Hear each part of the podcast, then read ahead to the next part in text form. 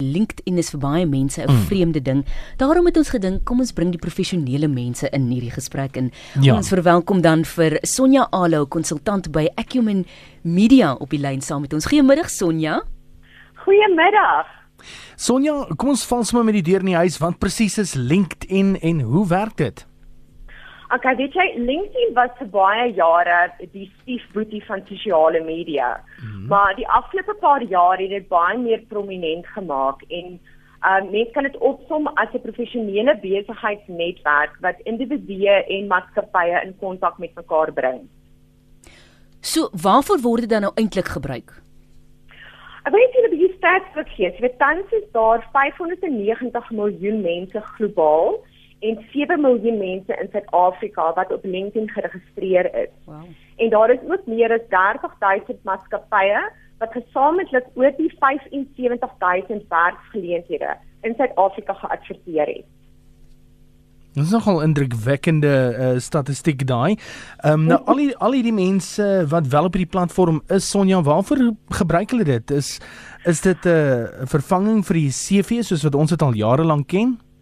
Weet jy, ek dink die tradisionele CV het definitief nog steeds sy plek, maar potensiële werkgewers kyk al hoe meer na kandidaate se digitale footprint wanneer hulle besluite neem.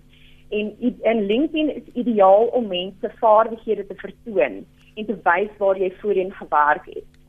Mm en en jy noem ook nou dat uh, mense kyk na 'n uh, potensiële kandidaat se sosiale uh, afdruk byvoorbeeld en en LinkedIn sal ek myself indink laat jy ook nou nie toe om daai foto's te plaas by die einde van van die einde van die jaar partytjie byvoorbeeld nie.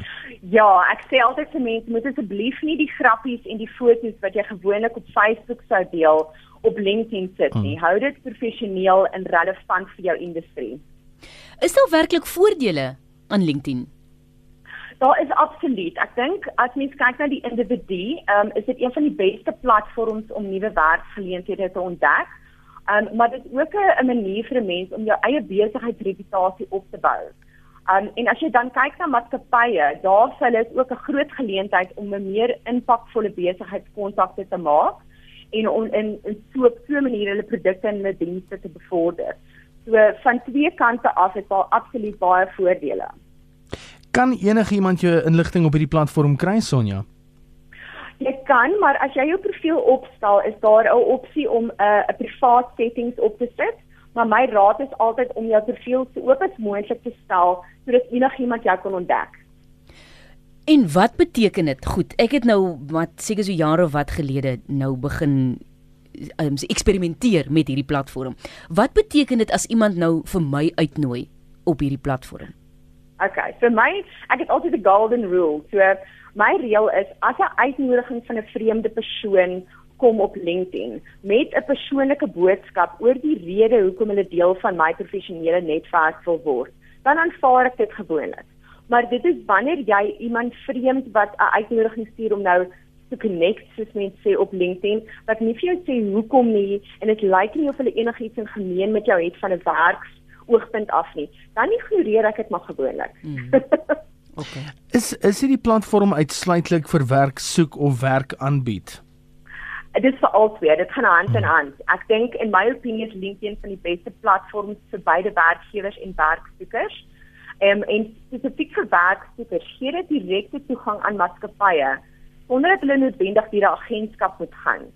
En die platform wys ook dadelik vir jou of jy kwalifiseer vir 'n vakante posisie gebaseer op jou werksgeskiedenis.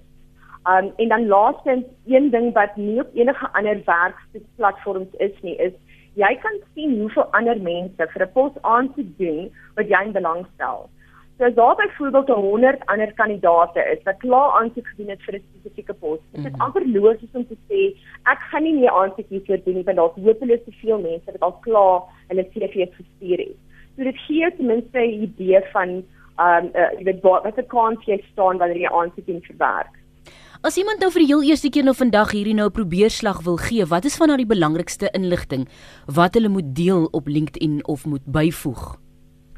Um, ek dink die eerste is maak seker jy werkgeskiedenis is op datum. So die platform gee vir jou die opsies om jou jou vorige werke te lys en wat tipe funksies jy verrig het in daai werk.